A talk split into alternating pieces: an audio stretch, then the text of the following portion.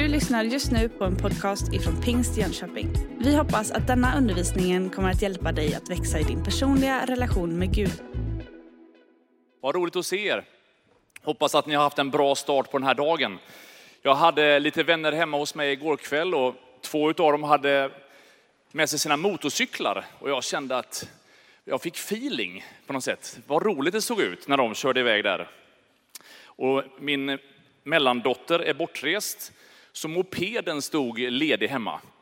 Så jag tog hennes hjälm, mitt huvud är större än hennes. Jag säger inte att jag har mer i det, men jag har ett större huvud än henne. Eh, och så tryckte jag i mig hjälmen och jag, jag kände verkligen att det, det, var lite så här som när Tom Cruise kör där vid Top Gun-filmen. Att jag bara kände, åh vad cool jag är på något sätt. Så att jag, jag känner fortfarande mig lite upprymd av det där på något sätt. Att vilken, vad härligt, få köra moped.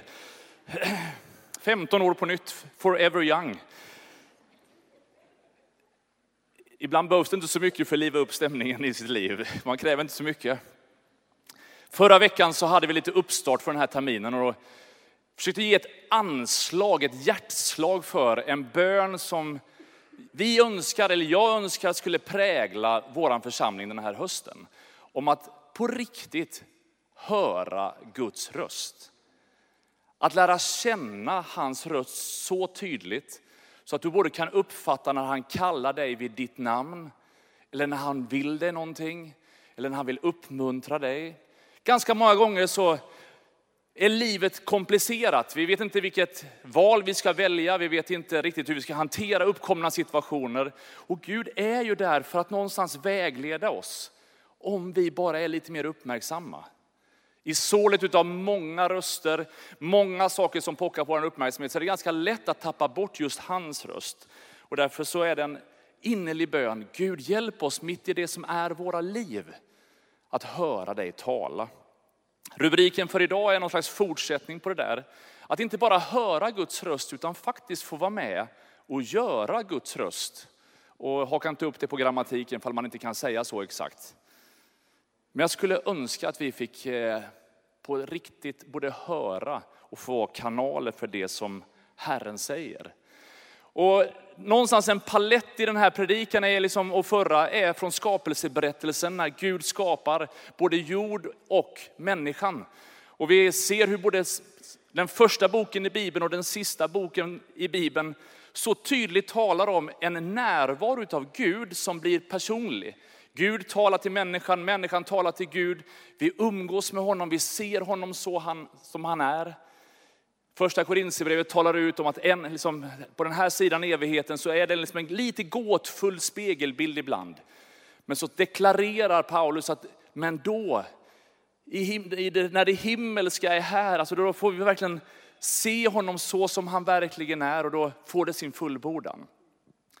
Men jag tycker också det är lite härligt att påminna sig om när Gud skapar världen så står det så här att i begynnelsen skapade Gud himmel och jord.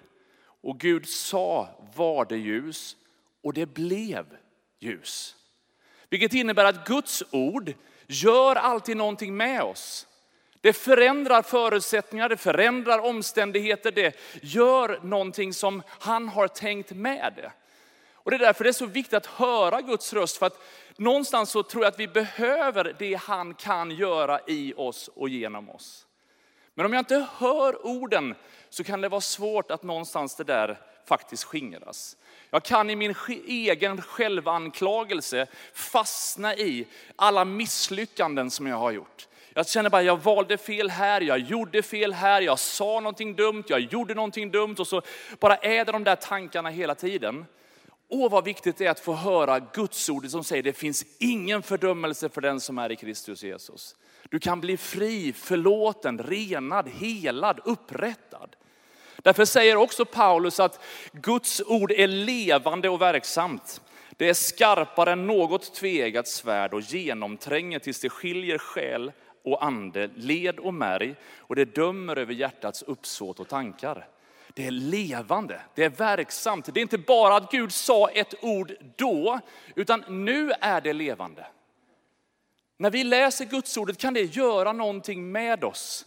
Men Gud kan också profetiskt säga saker som man bara känner att nu blir det ett skifte i mitt inre.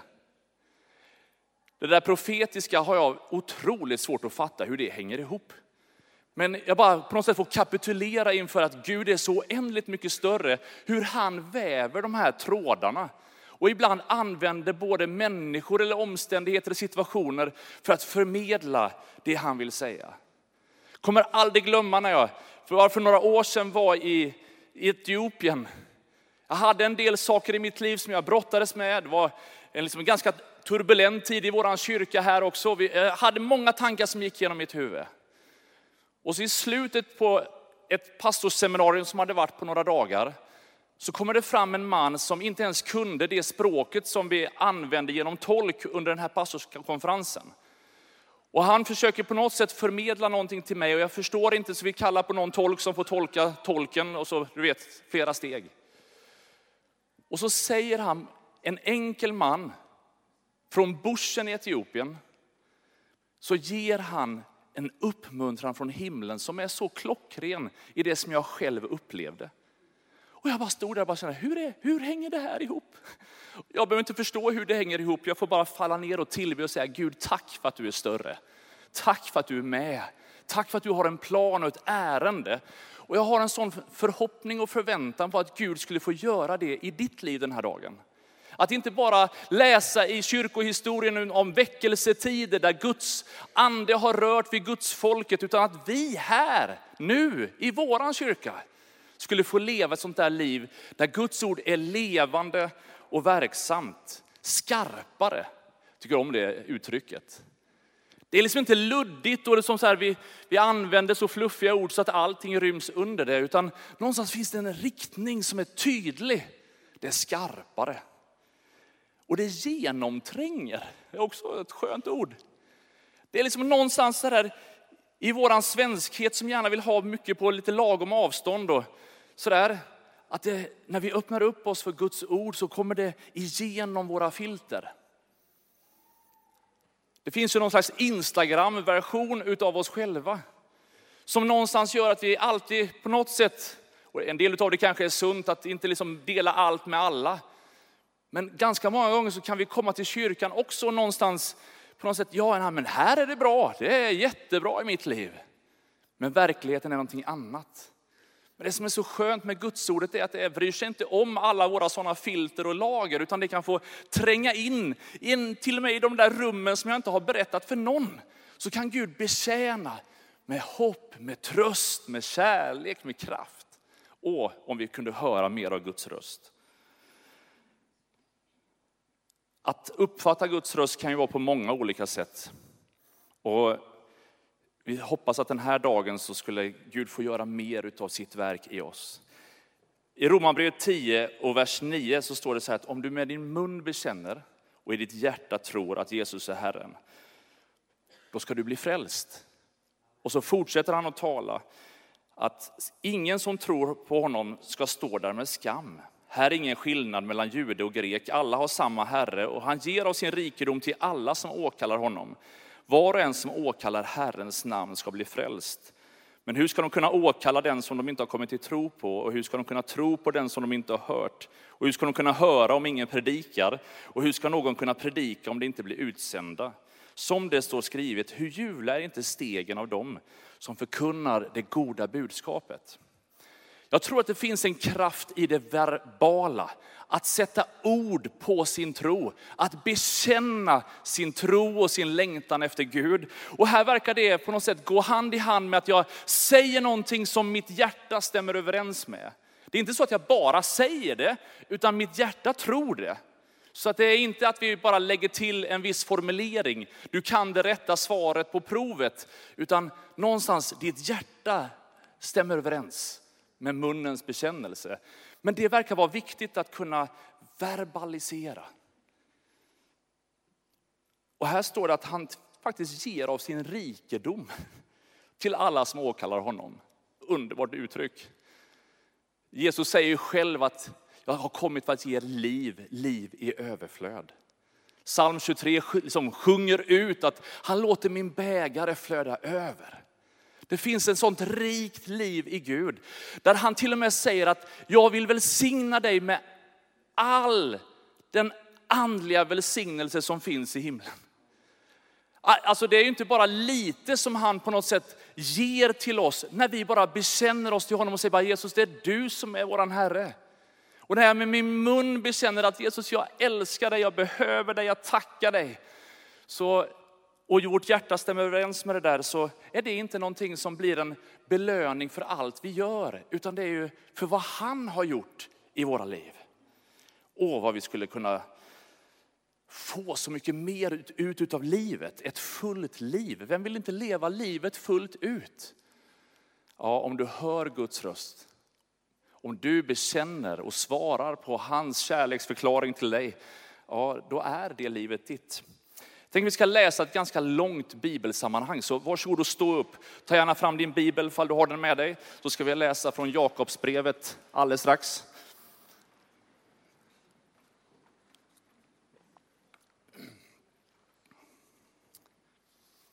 Är ni redo? Har ni hittat det? Jag tycker ju om när det prasslar. Alltså det är all respekt för digitala appar, men det är lite härligare med prasslet i, i, i boken. Vi läser. Vi prövar att läsa jättemycket tillsammans. Vi ser hur långt vi klarar. Mina bröder, var inte partiska i er tro på vår Herre Jesus Kristus, härlighetens Herre. Tänk er att det vid er sammankomst kommer in en man med guldring på fingret och fina kläder och samtidigt en fattig man i smutsiga kläder. Om ni då ser till den finklädde och säger, varsågod och sitt här, här är en bra plats. Men till den fattige, du kan stå där, eller sätt dig här vid mina fötter.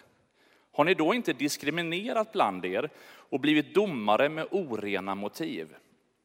Lyssna mina älskade bröder, har inte Gud utvalt de som är fattiga i den här världen till att bli rika i tron och få ärva riket som han har lovat dem som älskar honom?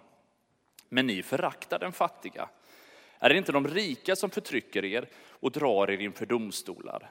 Är det inte de som hånar det sköna namnet som har uttalats över er? Om ni uppfyller den kungliga lagen enligt skriften, du ska älska din nästa som dig själv, då gör ni rätt. Men om ni är partiska begår ni synd och döms av lagen som lagbrytare. Den som håller hela lagen men bryter mot ett enda bud är skyldig till allt. Han som har sagt du ska inte begå äktenskapsbrott har också sagt du ska inte mörda. Om du inte begår äktenskapsbrott men mördar så är du en lagbrytare. Tala och handla så som den som ska dömas efter frihetens lag. Domen blir obarmhärtig över den som inte har visat barmhärtighet. Men barmhärtigheten triumferar över domen. Mina bröder, vad hjälper det om någon säger sig ha tro men saknar gärningar? Den tron kan väl inte frälsa honom. Om en broder eller syster saknar kläder och mat för dagen och någon av er säger till dem gå i frid, klä er varmt och ät er mätta, men inte ger dem vad kroppen behöver, vad hjälper det? så är också tron i sig själv död när den är utan gärningar. Nu kanske någon säger, du har tro. Ja, men jag har också gärningar.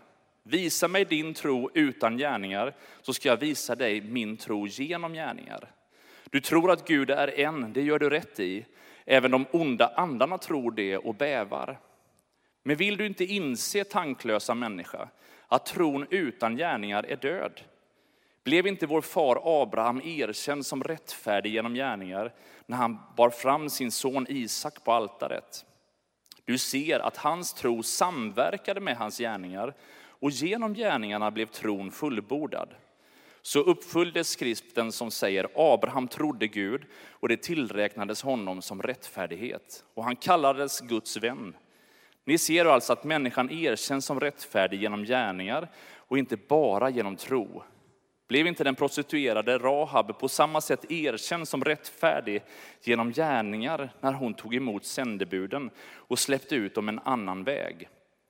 Liksom kroppen utan ande är död, så är tron utan gärningar död. Låt oss be tillsammans. Herre, jag tackar dig för att det är sant att ditt ord är levande och verksamt. Och nu bara ber jag dig, fortsätt att betjäna oss, tala till oss Forma oss. Hjälp oss att förstå ännu mer din vilja för våra liv, men än mer Och att vi skulle bara få umgås med dig. Herre, vi lägger resten av den här dagen i dina händer. I Jesu namn. Amen. Varsågod och slå dig ner. Det här långa bibelkapitlet som vi alldeles nyss läste, det har varit en kamp i den kristna kyrkan att förhålla sig till. Martin Luther tyckte att det här var så onådefullt så han nästan hade, han hade svårt att tycka att det här skulle få finnas kvar i Bibeln.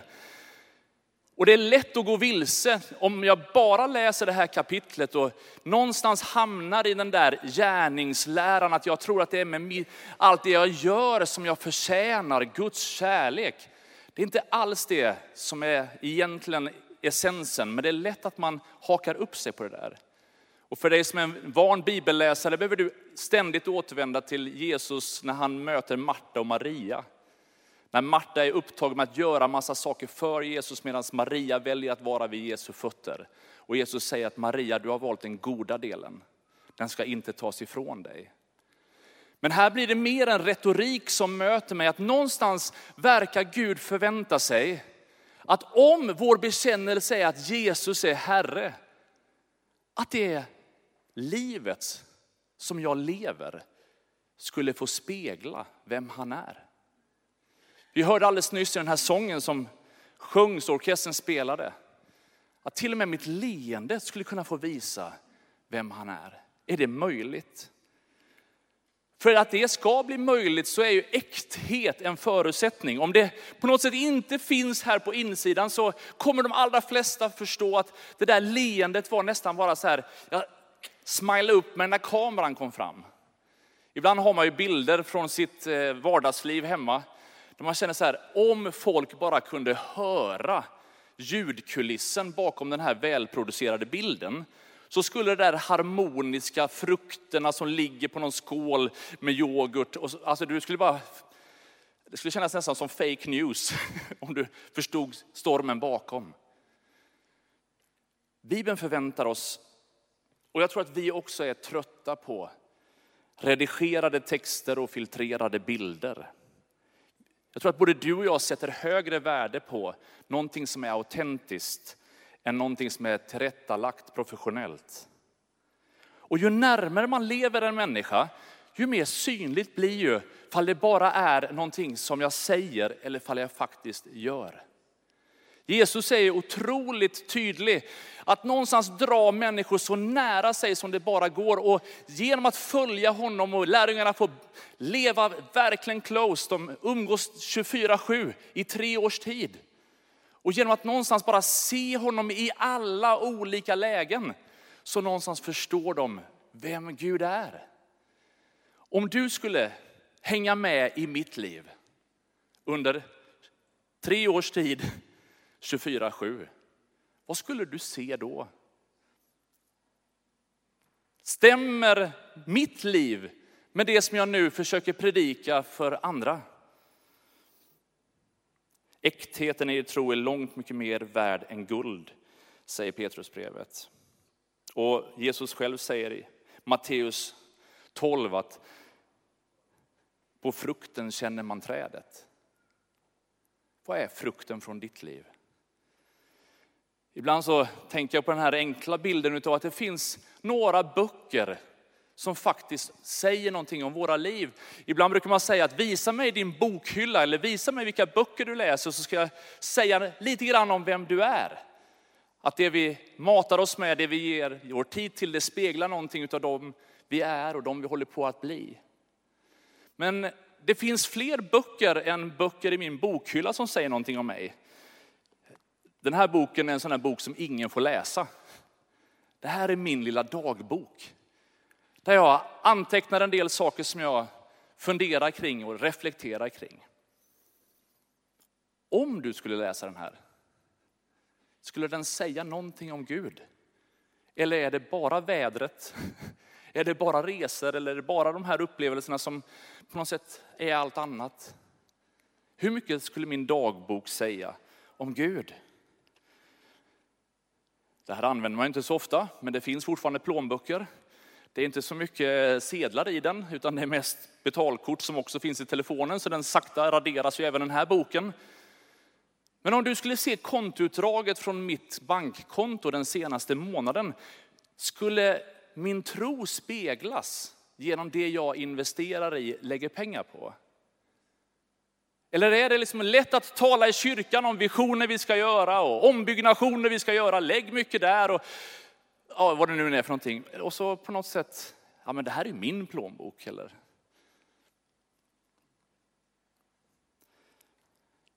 Det här får man ju fortfarande använda som det är, ett svenskt pass. Det här var ett av de mest statuspassen som fanns i världen. Men just nu så verkar vi vara ifrågasatta av stora delar av världen. Men vart reser jag någonstans? Vilka resor? Och hur långt är jag beredd att gå om Gud kallar? Om du skulle lägga ditt pass här på nattvardsbordet och säga bara, Gud, vart i världen vill du ha mig? Och han skulle säga att du skulle flytta någon annanstans på jorden för att dela evangeliet till människor som ännu inte har hört. Hur långt är du beredd att gå? Ja, men det vore ju roligt att åka med Gert Follsten på en liten resa in i Eritrea.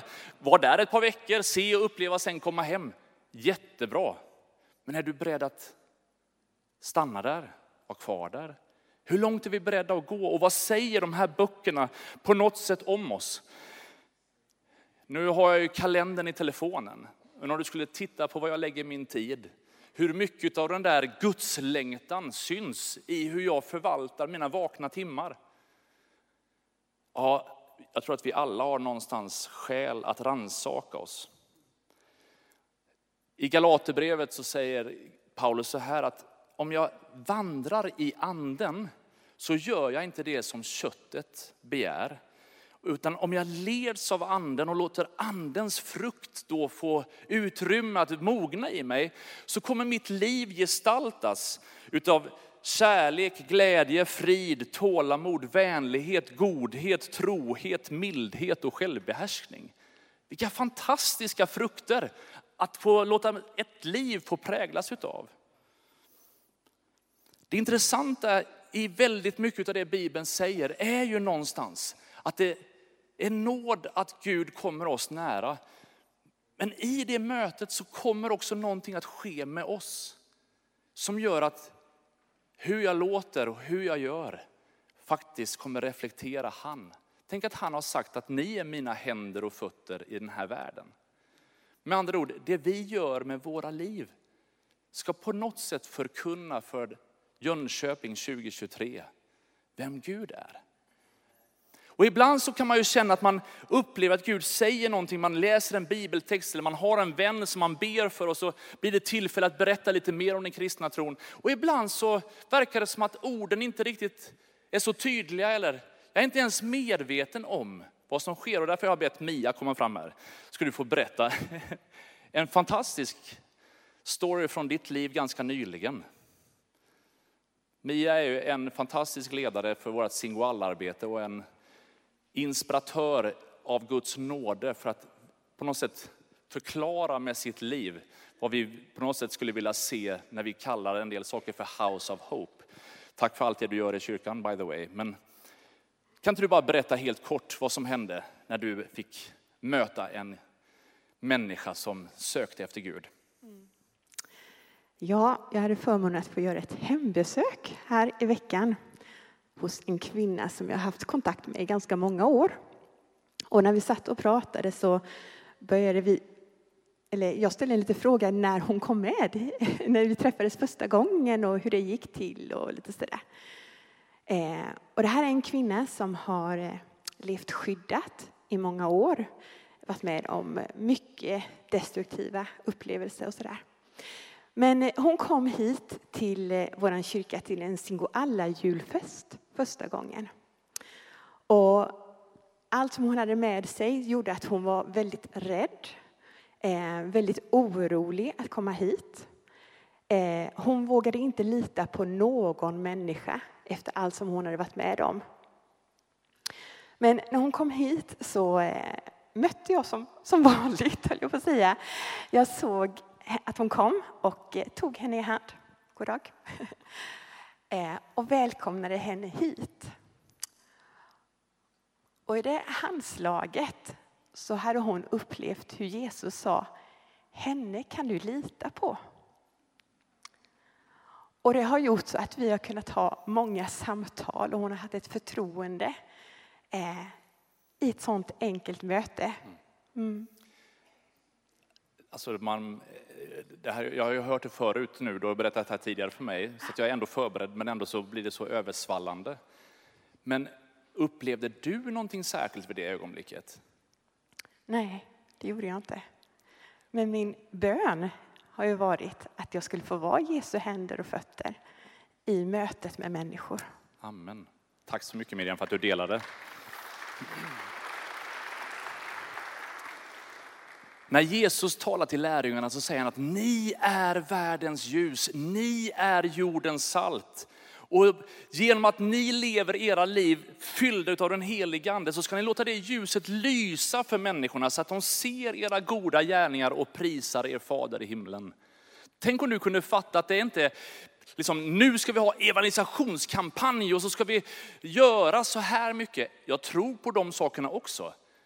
Men ibland så kan det vara till och med de där sakerna som vi inte själva tänker på det sättet som Gud ändå verkar igenom. När Mia sträcker fram sin hand och säger bara välkommen, kul att du är här.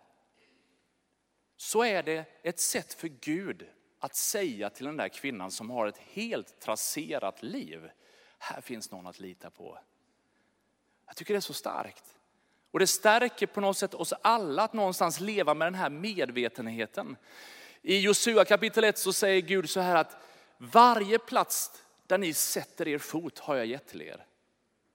Så när du går in på din liksom, arbetsplats imorgon så är det inte bara du som är där. Gud som bor i dig är med dig. Och de där enkla bara, god morgon, har haft en god helg, kan förmedla någonting mycket, mycket, mycket mer.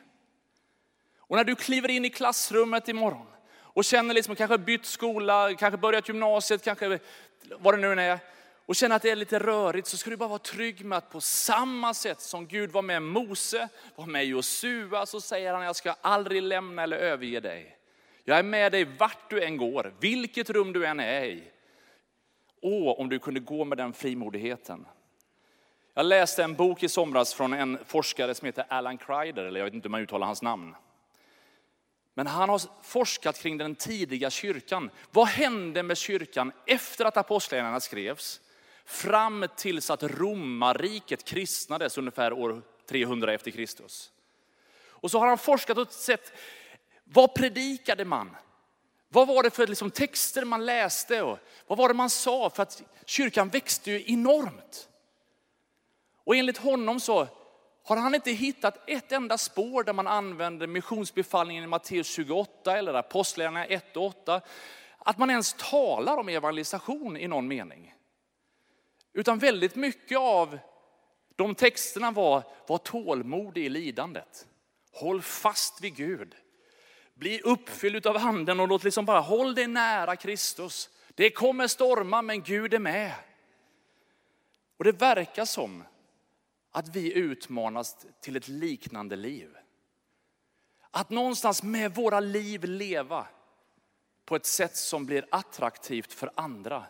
Den tidiga kyrkan menar han, den här forskaren, de kunde inte bjuda med sig icke-kristna till gudstjänsten, för det var ju en förföljd kyrka. Det var ju att sätta alla andra i livsfara med att ta med sig någon som ännu inte hade trott. Så därför var det viktigt att du fick leda en människa till tro. Se till så att den blev riktigt, riktigt frälst. Kan vi diskutera vad det innebär.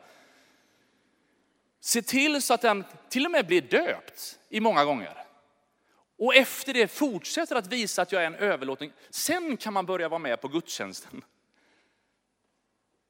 Hur många skulle jag leda till tro om jag med fara för mitt liv inte kunde, fick säga riktigt alla saker i en mikrofon inför många.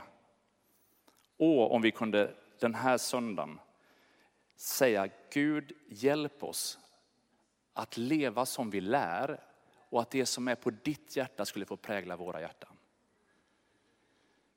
Vi hör Guds röst, inte bara för att bli uppmuntrade själva, utan för att vara med och sträcka fram en hand och le mot någon annan. Jakobsbrevet utmanar att vi som är rika, vilket alla svenskar är i jämförelse med 99 procent av världens befolkning nästan. Att bara få vara med och göra vad vi kan. För ganska många år sedan så var det en person som fick hembud, hade inga egna släktingar och hade ett enkel liten lägenhet som skulle behöva tömmas. Och det behövdes lite mankraft för att bära lite möbler och lite sådär och packa ihop det där. Så jag fick följa med. Och när man kom till det där enkla hemmet och vi packade ihop grejerna så tog jag, hittade jag Bibeln vid nattduksbordet. Och när jag tar den så är det en sån här riktigt genomläst bibel. Och så faller det ut ett papper där det står frågor till självprövning. Och jag tänkte inför nattvarden som vi nu ska fira, jag ska be att orkestern kommer fram hit fram och gör sig i ordning så ska vi vara redo. Så skulle jag vilja ställa samma frågor som då ramlade ur Bibeln och som sedan dess har följt med mig och blivit, gjort sig påmind i olika situationer. Och du och jag får pröva oss själva. Stämmer min bekännelse, min längtan med det liv jag lever? Och någonstans bara Gud, låt mig få andas dig så innerligt så att min utandning verkligen predikar vem du är. Den första frågan är, hur skulle församlingen se ut, vi, om alla medlemmar handlade som jag? Hur vore den inbördes kärleken om alla älskade som jag? Hur stor tillslutning skulle det vara vid församlingens möten och gudstjänster om alla deltog som jag? Hur vore det med församlingens böneliv om alla bad som jag?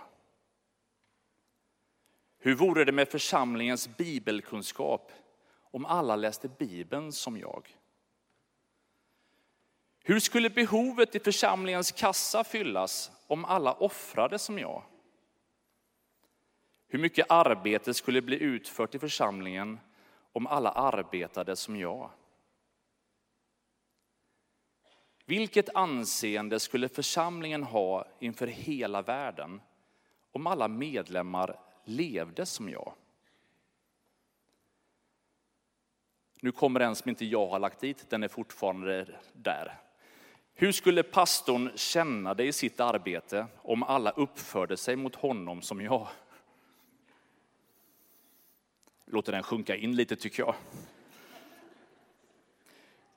Hur skulle främlingar trivas i våra möten om alla bemötte dem som jag? Lever jag i väntan på Jesus varje dag och är redo att möta honom just nu? Käre medlem, begrunda dessa frågor. Be inför dem. Bli en trogen och åt Gud överlåten medlem i Jesu Kristi församling. Det är lätt att få prestationsångest när man talar om att göra saker för Gud. Jag vill radera det genom att säga från Klagevisorna 3, det är Herrens nåd att det inte är ute med oss. Att det inte är slut med hans barmhärtighet. Den är ny varje morgon, stor är din trofasthet. Tänk om det är så att jag med mina gärningar kan få visa vem han är. Låt oss be tillsammans. Jesus, jag tackar dig för förmånen att få fira gudstjänst den här söndagen. Tack för bibelord vi har fått läsa och utmanats utav. Jag vill be särskilt för dem som känner att liksom det här provocerar en del områden. Tack för att du med din ande vägleder oss så att vi omvänder oss från saker som kanske är